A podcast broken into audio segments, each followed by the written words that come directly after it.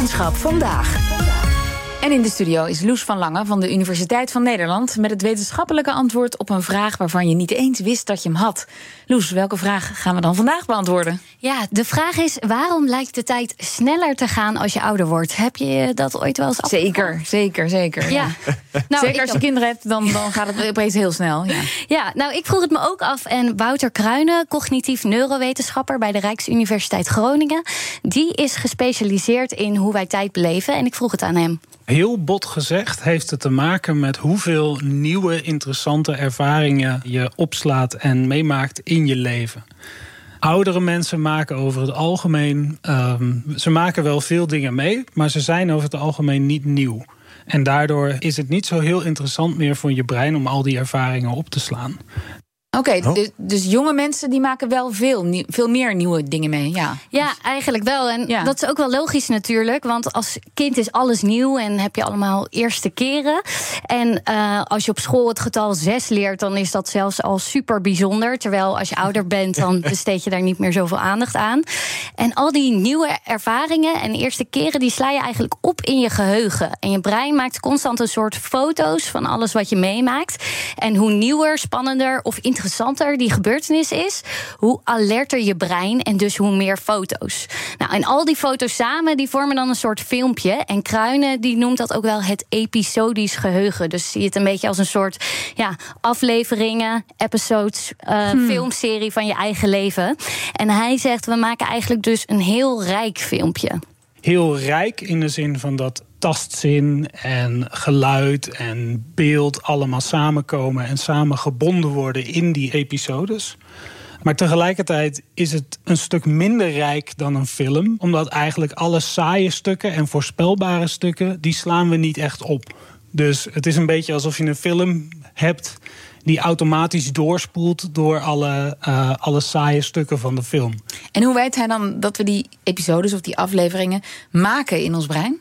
Ja, het mooie is dat ze dat ook terugzien in de activiteit in je brein. Dus de hersencellen, de neuronen, die zijn heel actief bij nieuwe ervaringen en die gaan vuren. Ze geven eigenlijk een soort signaal door het vuren van die neuronen is eigenlijk wat de basis is voor het opslaan van een geheugenspoor van dat filmpje.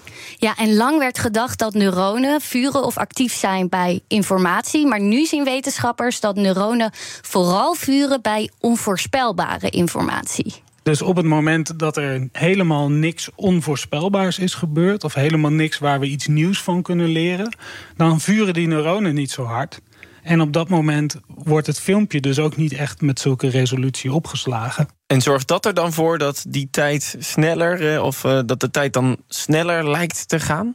Ja, dus eigenlijk wel. En um, we nemen wel, zegt hij, op twee verschillende manieren tijd waar. En dat onderscheid is wel belangrijk voor onze tijdsbeleving.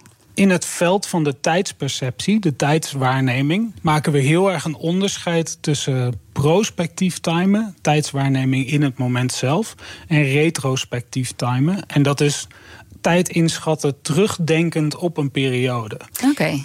Ja, en het interessante is dus dat volgens Kruinen ouderen vooral denken: wat is de tijd voorbij gevlogen? Als ze terugdenken, dus dat retrospectieve timen, als ze gebruik maken van hun geheugen.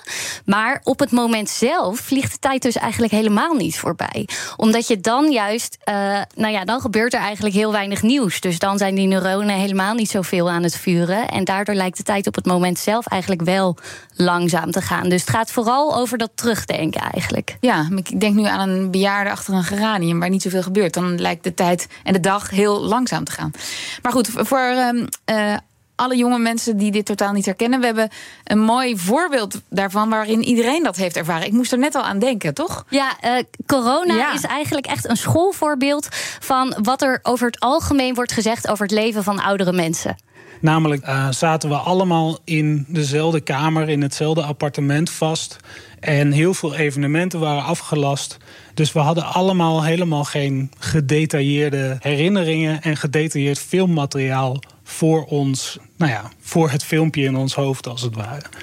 En daardoor op het moment zelf ging elke dag echt tergend traag voorbij.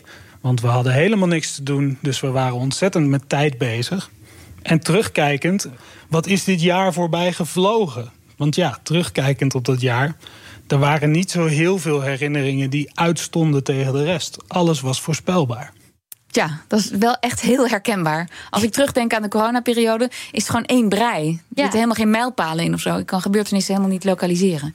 Precies. Nou ja, en dus voor mensen die dit ook, uh, die hier bang voor zijn, hè, voor dit toekomstscenario, ja. als ze denken van oeh, de jaren vliegen voorbij.